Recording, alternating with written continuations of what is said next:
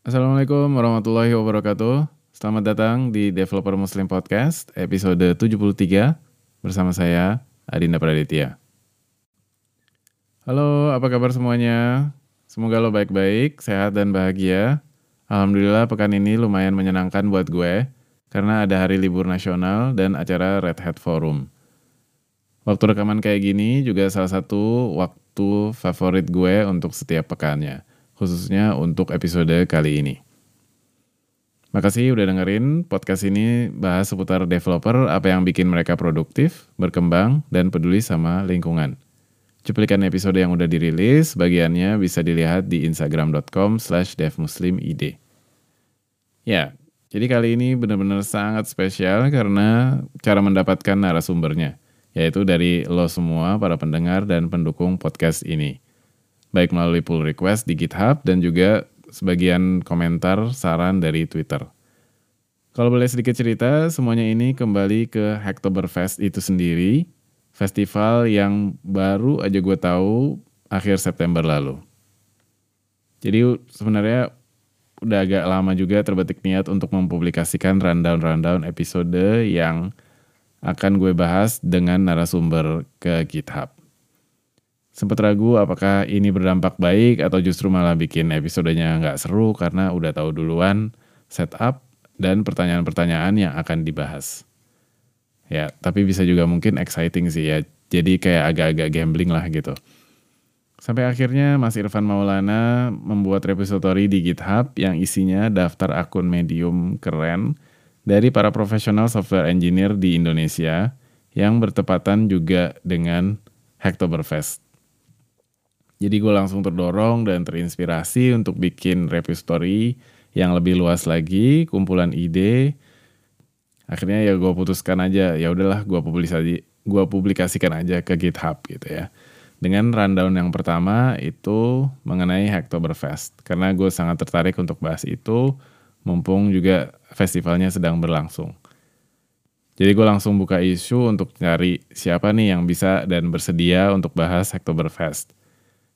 Ya kalau dari segi penulisan sih mungkin gampang ya karena tinggal masukin nama terus beberapa kalimat dan udah kirim aja pull request dan lo udah berhak untuk mengklaim satu pull request dari lima pull request yang diminta untuk ikut Hacktoberfest. Cuman ya ternyata kan gak sekedar tulisan tapi juga harus mengupayakan narasumbernya. Setelah dua pekan nyebarin di Twitter gak dapet sampai berlebay-lebayan segala sampai pakai bahasa Inggris yang kesannya developer Indonesia belum banyak yang tahu gitu. ya pokoknya lebay deh. Akhirnya pertengahan pekan ketiga pull request itu pun muncul dari Mbak Farah Oktina, makasih Mbak, yang mengusulkan Mas Diki Arga Mozilla Speaker yang juga baru-baru ini mengadakan Hacktoberfest di Mozilla Space di Jakarta. Sementara di Twitter, sebagian orang juga menyarankan Mas Irfan Maulana sendiri dan Mas Doni Rubiagatra dari Surabaya Pai. Dan setelah dihubungi ketiganya, waktu yang cocok dan memungkinkan dalam waktu dekat itu Mas Diki dan Mas Doni. Gue seneng banget dan terharu akhirnya bisa dapetin narasumber yang gue gak punya koneksi atau kenalan langsung. Jadi hanya melalui GitHub, uh, kirim pull request dan uh, alhamdulillah bergulir dengan baik dan akhirnya dapetin kedua narasumber ini. Dan mereka juga bersedia dalam waktu yang relatif singkat. Obrolannya seru banget, keduanya aktivitas komunitas, mereka juga, belum lama ini juga ngadain acara Hacktoberfest offline, di daerahnya masing-masing. Jadi bisa dapat inspirasi dari kedua acara itu. Wah pokoknya seru banget ya. Lo akan dengerin apa itu Oktoberfest, apa itu open source, uh, secara lebih mendalam gitu definisinya dan uh, inti dari open source. Terus juga pengalaman di acara Hacktoberfest yang diadakan di Jakarta dan Surabaya. Terus juga kejadian-kejadian lucu di sana, harapan-harapan untuk masa yang akan datang. Oke, ini dia obrolannya. Selamat mendengarkan. Permisi, sebelum gue lanjutin, ada pesan-pesan sponsor dulu nih. Dengerin ya. Silakan mas, diputar. Makasih buat waktunya. Sekarang dengerin lanjutannya yuk.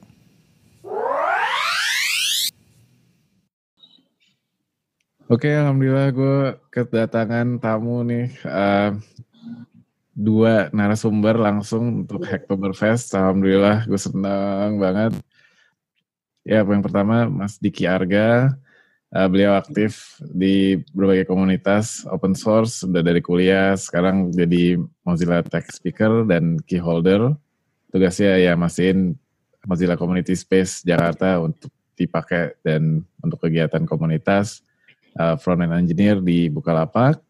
Uh, ya silakan Mas kenalin diri sebentar. Uh, seperti yang dimention Mas Dida, uh, saya cukup antusias dengan yang namanya open source jadi waktu masih kuliah saya sempat uh, gabung dan ngelit open source community di kampus namanya DOSCOM, singkatan dari Dinus Open Source Community. Oke, okay. Dinusnya apa? Oh, Dianus Wantoro. Okay. Di itu di Semarang. Ah, Oke, okay. sip sip. Ya, itu uh, dari front end dan satu lagi tamu dari fokus ke back end. Wah, ada Mas Doni Rubia Ruby Agatra. Uh, beliau ini sorry uh, aktif di berbagai komunitas juga, udah dari kuliah, benar-benar super keren banget dua-duanya. Uh, salah satu pendiri komunitas uh, Surabaya Python dan masih aktif di sana. Terus uh, senang banget sama data, aktif di Data Science Indonesia uh, di Jawa Timur. Sekarang backend engineer di Kumparan. Selamat datang Mas Doni, silakan kenalin diri. Halo, Uh, nama aku Doni, aku asli Surabaya. Jadi seperti dibilang Mas Dinda, aku sekarang daily life sebagai backend engineer di Kebaran, tapi saya remote working dari Surabaya. Kemudian seperti dibilang juga tadi, pernah jadi ketua Surabaya Python, tapi sudah nggak jadi ketua lagi, diberikan hmm. kepada yang muda. Uh, kemudian aku sering ngajar Python di Data Science Indonesia Jawa Timur di berbagai kampus di daerah Jawa Timur mungkin itu sih komunitasnya Mantap, mantap. Oke. Okay. Iya nih benar-benar dua juga kedua-duanya nih aktivis komunitas. Jadi um, kayaknya cocok banget buat uh, bahas Hacktoberfest. Jadi um, kita mulai dari awalnya kali ya. Mungkin ya sejarahnya atau definisi Hacktoberfest ini gitu. Siapa kira-kira siapa yang mau mau jawab nih? Mas Diki atau Mas Doni? sedikit mungkin boleh. Secara sejarah mungkin aku kurang kurang. Oke, okay, uh, eh, Oktoberfest ini setahu saya uh, awalnya dari tahun 2014. Hmm. Uh, mungkin banyak uh, teman-teman tahu Oktoberfest itu tentang uh, bagi-bagi t-shirt gratis gitu ya. Iya, iya. tapi, tapi sebenarnya nggak cuman bagi-bagi t-shirt gratis. Uh, menurut saya Oktoberfest itu lebih ke movement atau gerakan untuk mempromosikan open source gitu ke lebih banyak orang gitu. Dan uh, dari tahun 2014 itu partisipan maupun uh, jumlah t-shirt yang dibagikan itu selalu naik hampir dua kali lipat gitu. Oh. Ya mungkin uh, buat teman-teman yang belum tahu, Hacktoberfest ini diselenggarakan oleh GitHub dan uh, Digital Ocean. Hmm. Iya, yeah, yeah. Mungkin Mas Doni mau nambahin sesuatu? Mungkin tuh uh, yang mau aku tambahin sih sebenarnya di Oktoberfest ini tiap tahunnya skemanya kadang-kadang berubah. Jadi kalau yang pernah teman-teman kalau saya pernah sering menggunakan GitHub, uh, pasti sudah tahu yang namanya komis dan pull request. Jadi di awalnya itu kontribusi yang dilihat adalah berapa komit yang harus dilakukan untuk mendapatkan tanda kutip teaser. Iya, yeah, iya. Yeah. Namun untuk beberapa dua kalau tidak salah dua tahun ini lebih ke arah berapa banyak pull request yang teman-teman bisa berikan di GitHub begitu sih. Hmm, ya yeah, yeah. pull request yang diterima gitu ya di merge gitu ya? Uh, enggak, kalau saya lihat yang tahun ini cukup buka atau open pull request itu udah cukup cukup lima. Jadi nggak harus sampai merge sebenarnya. Oh, oke, okay, oke. Okay. Itu udah diterima, udah dihitung sebagai uh, kontribusi di Hacktoberfest. Hmm. Close pun tetap diterima. Oh, oke. Okay. Pull requestnya close itu tetap. Hmm. Ya, ya, ya, itu berarti berarti kayak beda-beda tahun beda inilah ya, beda aturan ya. Iya, cuman uh, intinya sih sama sih, mengajak uh, teman-teman yang baru untuk uh, gabung di gerakan open source ini. Oke. Okay.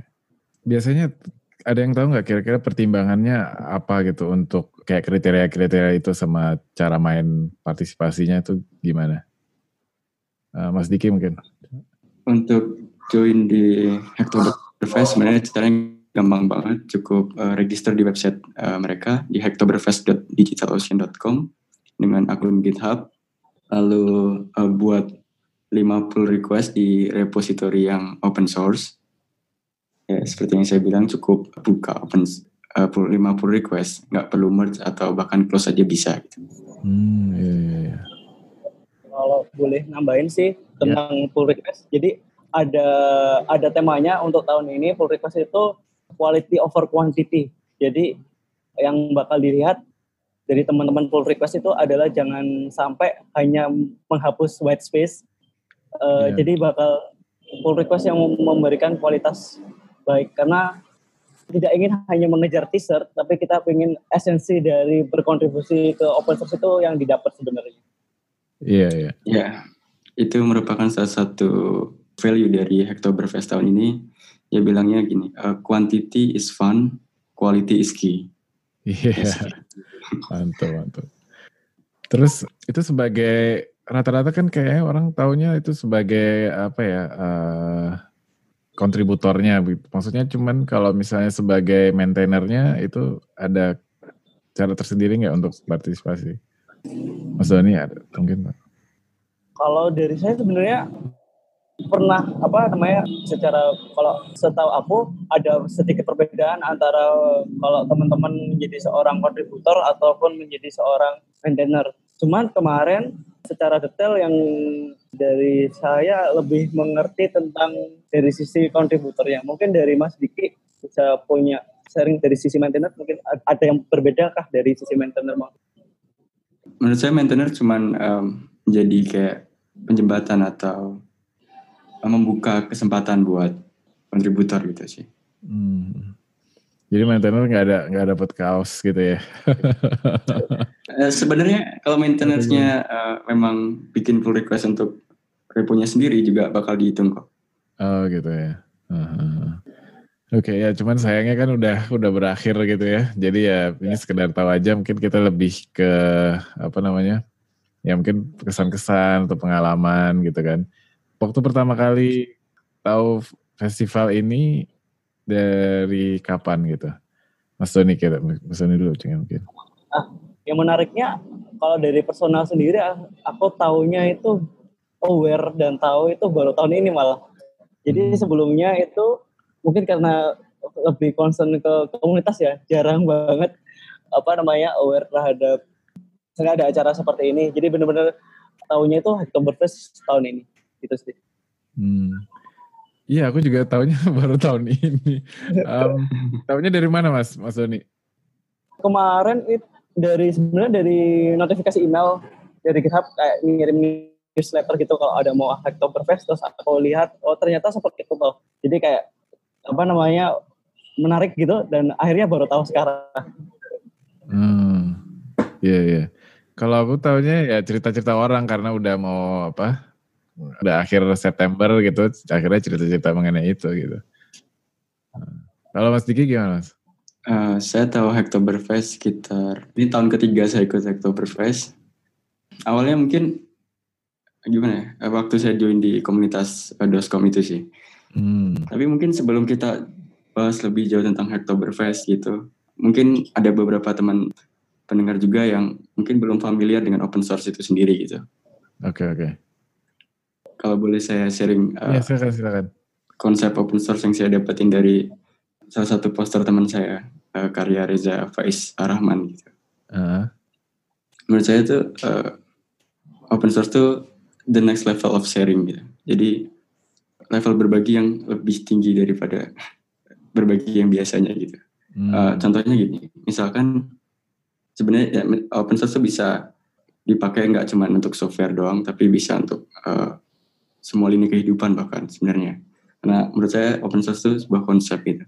Betul, betul. Misalkan gini, kalau saya sebagai chef berbagi kue ke Mas Ida, uh-huh. itu namanya berbagi kan? Iya. Tapi kalau open source lebih dari itu. Saya nggak cuma ngasih Mas Ida kue, tapi saya juga ngasih uh, resep, uh, alat dan bahan, uh, cara-cara bikinnya. Jadi Mas Dida nggak cuma bisa nikmatin kuenya, tapi Mas Dida juga bisa bikin yang sama atau bahkan lebih baik. Dan yeah, bahkan iya. nggak yeah. menutup kemungkinan untuk saya dan Mas Dida bikin uh, resep kue terenak di dunia gitu, kolaborasi bikin kue paling enak di dunia gitu. Nah, konsep open source itu menurut saya dan teman saya itu uh, kayak gitu dan sekarang mungkin udah mulai diaplikasikan selain di software kayak di hardware ada open hardware terus di data ada open data dan hopefully dengan uh, adanya Oktoberfest atau campaign-campaign lain dari lebih banyak uh, organisasi atau perusahaan yang mempromosikan open source itu jadi lebih bisa di-apply di semua lini kehidupan gitu. Iya betul betul.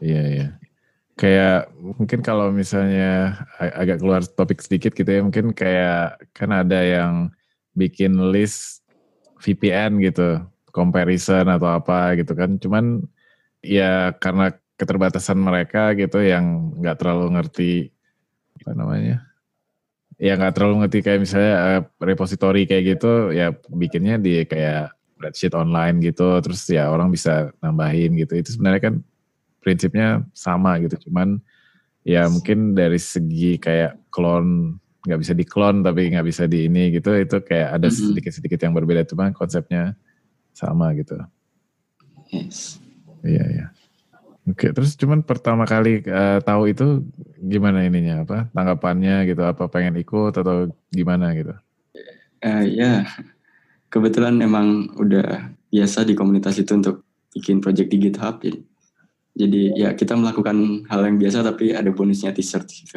Uh, Oke. Okay. dan dan kita jadi bisa bikin event buat uh, encourage newbie atau newcomer buat join juga di komunitas kita dengan iming-iming uh, dapat kaos gitu. Hmm. Padahal bukan dari dari komunitasnya tapi dari dari oh, oke oke. iya iya iya. Oke.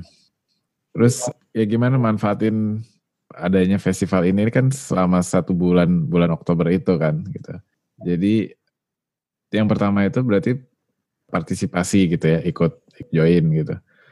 Hmm. Kalau misalnya kayak di uh, di komunitas sendiri di baik Mas Diki atau Mas Doni itu mulai ngadain acara itu dari tahun berapa tuh Mas Doni? Kalau dari teman-teman Surabaya sebenarnya dulu tahun lalu itu pernah bikin dari komunitas namanya Surabaya Dev itu bikin Hacktoberfest juga cuman apa namanya masih dilaksanakan oleh satu komunitas nah yang menariknya tahun ini dari teman-teman Surabaya ketika dengar Hacktoberfest kita cukup banyak ada beberapa komunitas IT di Surabaya kalau bisa saya sebutin ada Surabaya Pi dan Indonesia, ada Android Dev, ada Google Developer Group Surabaya, ada Facebook, itu macam-macam kayak kita ngumpul jadi satu, ayo kita bikin event bareng-bareng. Nah itu adalah Hacktoberfest di Surabaya untuk tahun ini adalah mungkin adalah acara pertama semua IT community di Surabaya bersatu. Jadi kayak benar-benar kita benar-benar kolaborasi bagaimana kita tidak hanya membangun ekosistem teknologi di Surabaya, tapi kita bisa kayak punya satu event bareng gitu Dan itu kita benar sebenarnya dadakan. Jadi kayak awal November, oh ada Oktoberfest ini gimana? Ayo bikin acara. Ya udah, siapa yang nyediakin tempat? A, B, C. Jadi kayak dadakan semua dan akhirnya itu cuman kayak butuh waktu seminggu kita bikin acara di Surabaya. Wow, keren keren keren. Jadi waktu nice. Mulai awal Oktober di ininya ya, inisiasi ya. niatnya gitu ya. Iya, jadi awal Oktober kayak jadi kita kayak punya satu Telegram khusus untuk pentolannya teman-teman komunitas jadi kayak kita bisa diskusi ayo kita punya acara apa aja di list mungkin karena ini Oktoberfest kayak kita ayo kapan kita bikin acara bareng gitu sih. Hmm. Iya iya iya. Terus kayak tempat gitu ya nyari kayak di Dilonya atau di di mana sih waktu itu di Surabaya tuh? Kebetulan kita ada salah satu co-working space baru yang ternyata memang didedicate untuk community. Jadi hmm. semua komunitas itu bakal bikin acara di sana dan apa namanya free gitu loh, free untuk community. Jadi kita berkenalan baik komunitas Surabaya berkenalan baik dengan beberapa coworking space jadi event setiap event kita pasti gratis dapetin jadi tidak tidak ada kesulitan tentang perkara venue di Surabaya saat ini. Hmm, iya, iya, iya. Iya, bagus ya, bagus ya. Iya, menarik juga nah, nanti buat apa tahu misalnya kayak ngerumusin susunan acaranya gitu ya. Cuman mungkin kita ke Mas Diki dulu gimana kalau Mas Diki ininya manfaatin festival ini gitu kan, apalagi dari dari Mozilla sendiri yang setahu Mas Diki gimana? Nah, Mozilla sendiri kan emang perusahaan yang non profit dan kita open source friendly ya. Mm-hmm. Dan ya dengan adanya ini kita langsung bikin itu juga cukup dadakan gitu, cukup dadakan mm-hmm. juga. Tapi yang daftar juga banyak banget langsung sehari setelah buka langsung kayak uh, penuh kuotanya. Oh. Ya itu artinya cukup banyak yang antusias juga tentang uh, open source ini. Kalau ke tempat sih kebetulan kita ada sendiri di Mozilla Community Space Hmm. Nggak terlalu luas sih, mungkin sekitar 30 orang. Iya, iya, iya. Terus itu mulai da dari tahun kapan? Tahun kemarin atau dua tahun yang lalu atau? Aha, kebetulan saya di Jakarta baru tahun ini, ya baru organisasinya di Mozilla baru tahun ini. Tapi sebelumnya di kampus ya, ah, tapi nggak iya, nggak iya. terlalu besar. Iya iya iya iya, iya bagus ya. Karena udah ada komunitas uh, itu ya, open source di kampus ya. Yep. Hmm. Oke, sekarang uh, ya ngurumusin acaranya tuh gimana gitu?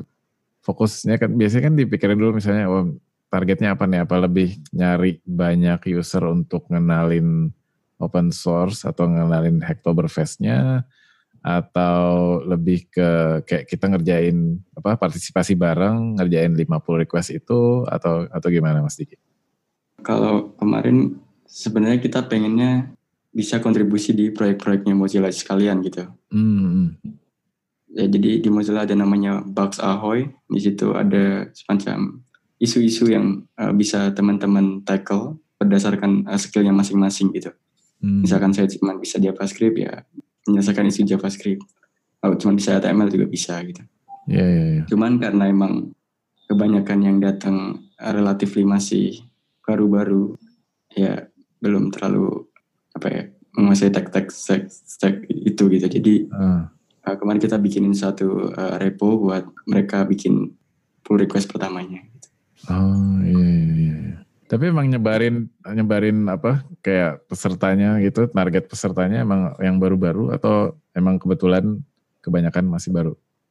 Kebetulan kita buka umum sih di Eventbrite atau di, di Telegram, sosial media gitu dan ya randomly people. Oh, Oke okay, oke. Okay.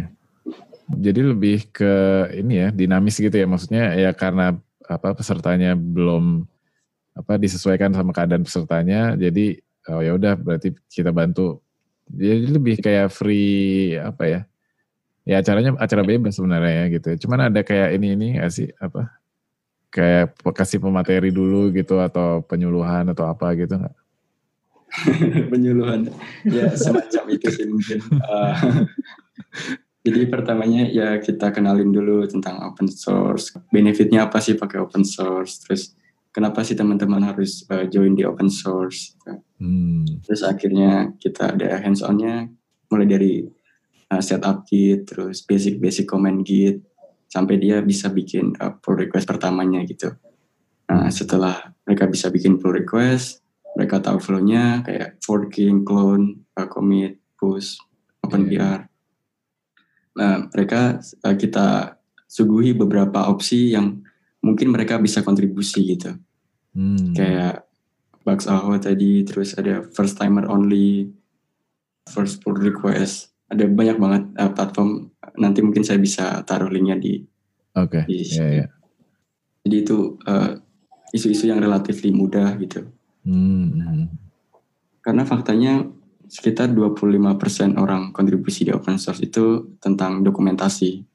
Ah, iya, iya. iya. sama lokalisasi gitu. Jadi ya mungkin as simple as fix typo, terus ngilangin white space kayak gitu. Hmm. Atau membantu menerjemahkan dari bahasa ke bahasa Indonesia yeah. atau sebaliknya. Ya, ya, ya. Oke. Okay. Ya sekarang maksudnya nih gimana nih? Waktu itu mikirin acaranya gimana gitu? itu waktu itu malah kita sudah ngomongin di Telegram untuk mau bikin Oktoberfest kita kayak akhirnya ngumpul di satu cafe untuk kayak ngerembukin semua komunitas kumpul, ayo kita mau bahas apa, kita mau targetnya siapa. Akhirnya kemarin kita punya dua target, newbie dan mungkin yang sudah experience gitu. Nah, hmm. pada akhirnya uh, jadi kita pertama jelas bulan waktu itu aku ngisi di seminar kayak uh, why contribute to open source. Kemudian hmm. uh, nextnya tuh kayak uh, workshop tentang apa namanya menggunakan Git. Jadi menggunakan Git dan GitHub bagaimana cara membuat pull request. Nah, setelah itu baru kita Oktober base bareng-bareng buat contribute di beberapa repo. Nah, untuk menghandle yang mana newbie, yang mana sudah experience, jadi kita yang newbie nanti kita kayak sudah memang sediakan satu repo khusus untuk kayak first contribution mungkin sama kayak Mas Diki tadi, tapi eh, yang experience kita dari berbagai komunitas yang ada di Surabaya itu kita bikin repo uh, untuk jadi gunakan ketika kita Fest. Jadi kalau misalnya di Surabaya Python punya ada beberapa project.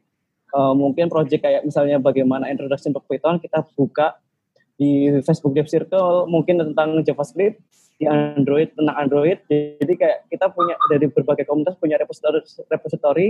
Nah kebetulan di Surabaya Python kita punya kayak uh, leveling jadi kayak beginner intermediate sama advance. Jadi kita uh, menyasar seluruh elemen yang ada di Surabaya wow wow iya iya iya ya.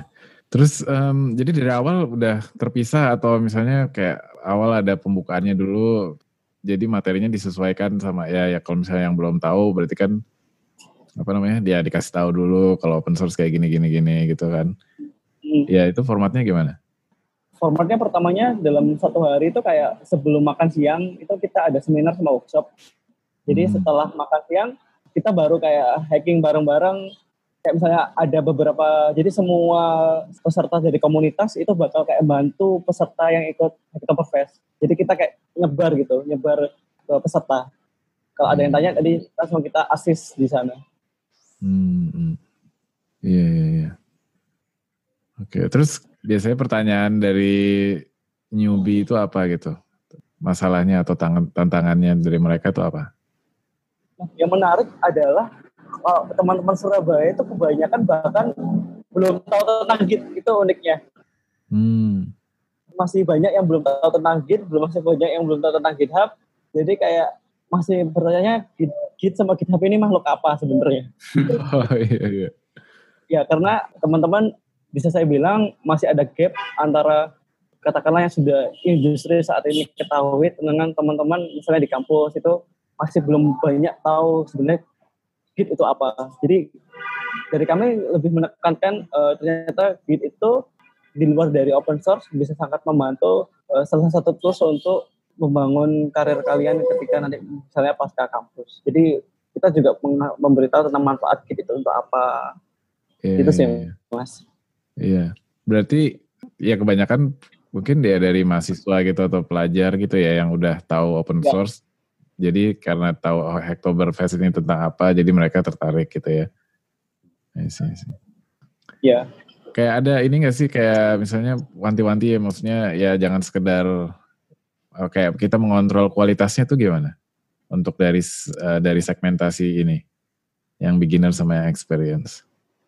Kalau beginner mungkin lebih ke kita mungkin lebih ke arah misalnya first pull request misalnya kita nambahin nama kontributor gitu di satu repository.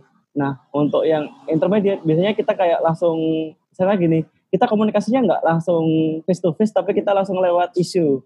Misalnya saya sudah jadi kalau di repo Surabaya Pay saya sudah siapkan 10 isu, sudah saya kasih leveling beginner, intermediate, advance. Hmm. Nah, kemudian itu komunikasinya lewat lewat isu. Jadi Mas ini gimana maksudnya? Nanti saya jelaskan. Jadi kalau kalau misalnya yang intermediate nanti saya mintanya seperti ini. Jadi kayak ada yang full request saya tanyakan ini maksudnya gimana. Jadi tetap saya bingung. Oh boleh nggak saya minta uh, full requestnya seperti ini karena itu maksudnya seperti ini. Jadi kayak gitu. Iya iya iya. Oke. Oke, um, ya ini waktunya tinggal 10 menit lagi. Oke okay, ya, kalau Mas Diki gimana Mas Diki? Uh, kurang lebihnya sama sih. Hmm, kurang iya. lebihnya sama sih.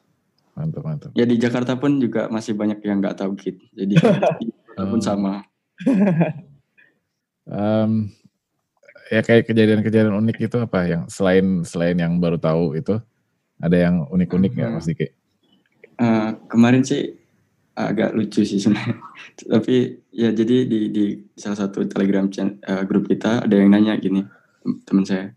Nah, saya udah bikin 50 request, tapi kenapa nggak dapet email ya? Ya ternyata setelah ditelusuri dia lupa untuk uh, register di website Oktoberfest-nya gitu. Jadi itu 5 PR itu nggak dihitung sama Oktoberfest. Hmm, iya. Jadi harus bikin 5 PR lagi untuk Oke. Iya, iya, iya. kalau Mas Doni gimana Mas?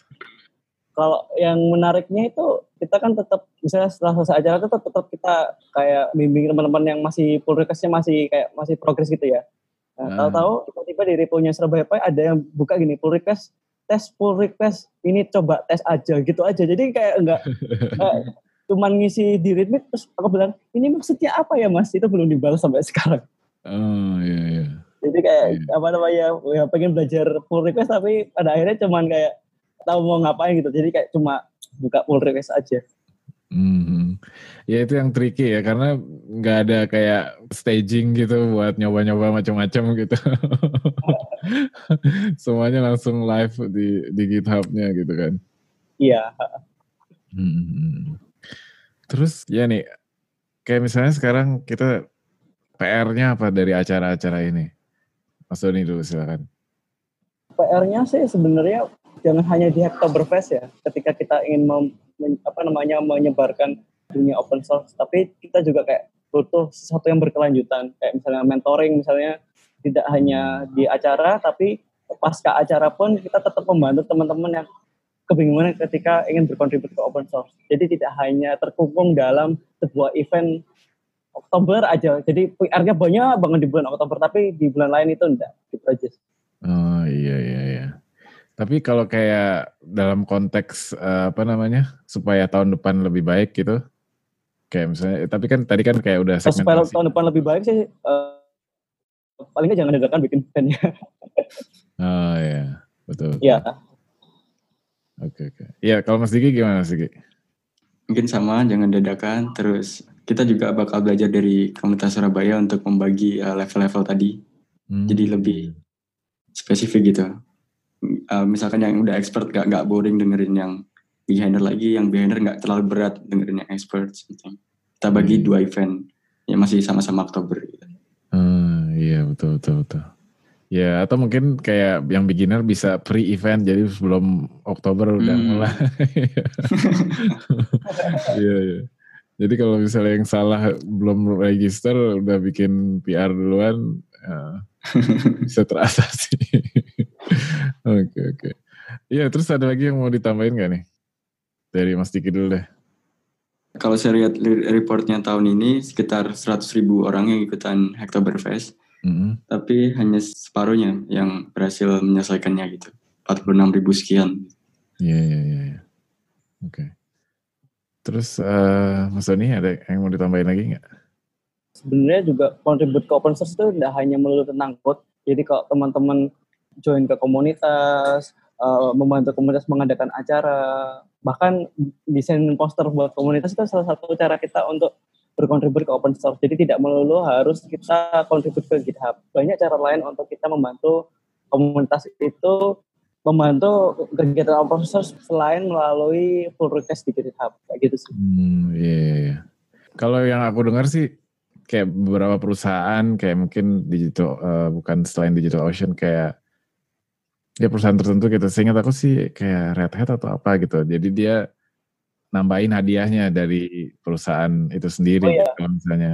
Uh, ya, Microsoft itu, itu ada ada kaos sendiri untuk uh, hmm. untuk Oktoberfest. Iya, iya.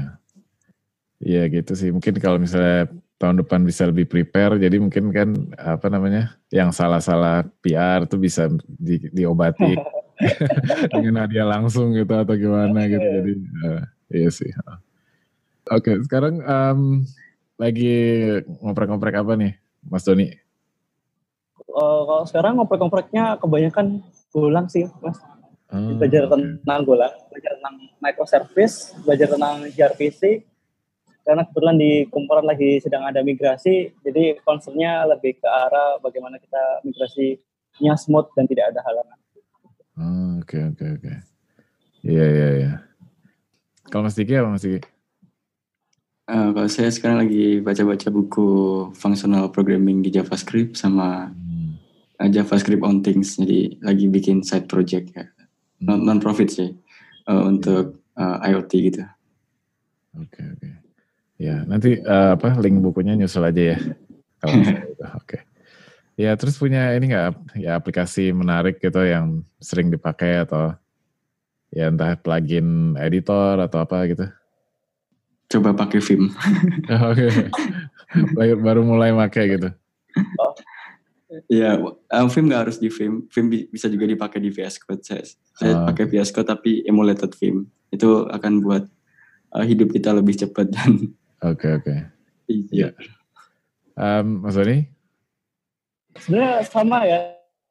Aku juga pakai Vim di emulator di VS Code, jadi agak susah bikin pakai Vim di langsung. Nah, mungkin uh, teman-teman yang mau screenshot uh, code-nya dengan baik, install plugin di VS Code itu namanya Pola Code. Jadi bikin Polaroid your code. Oh iya iya iya. Kalau mau yeah. nge-share nge-share di Instagram gitu sih. Oke. Okay. Ya ini tinggal satu menit nih beneran. Um, makasih udah datang dan sharing Hacktoberfest.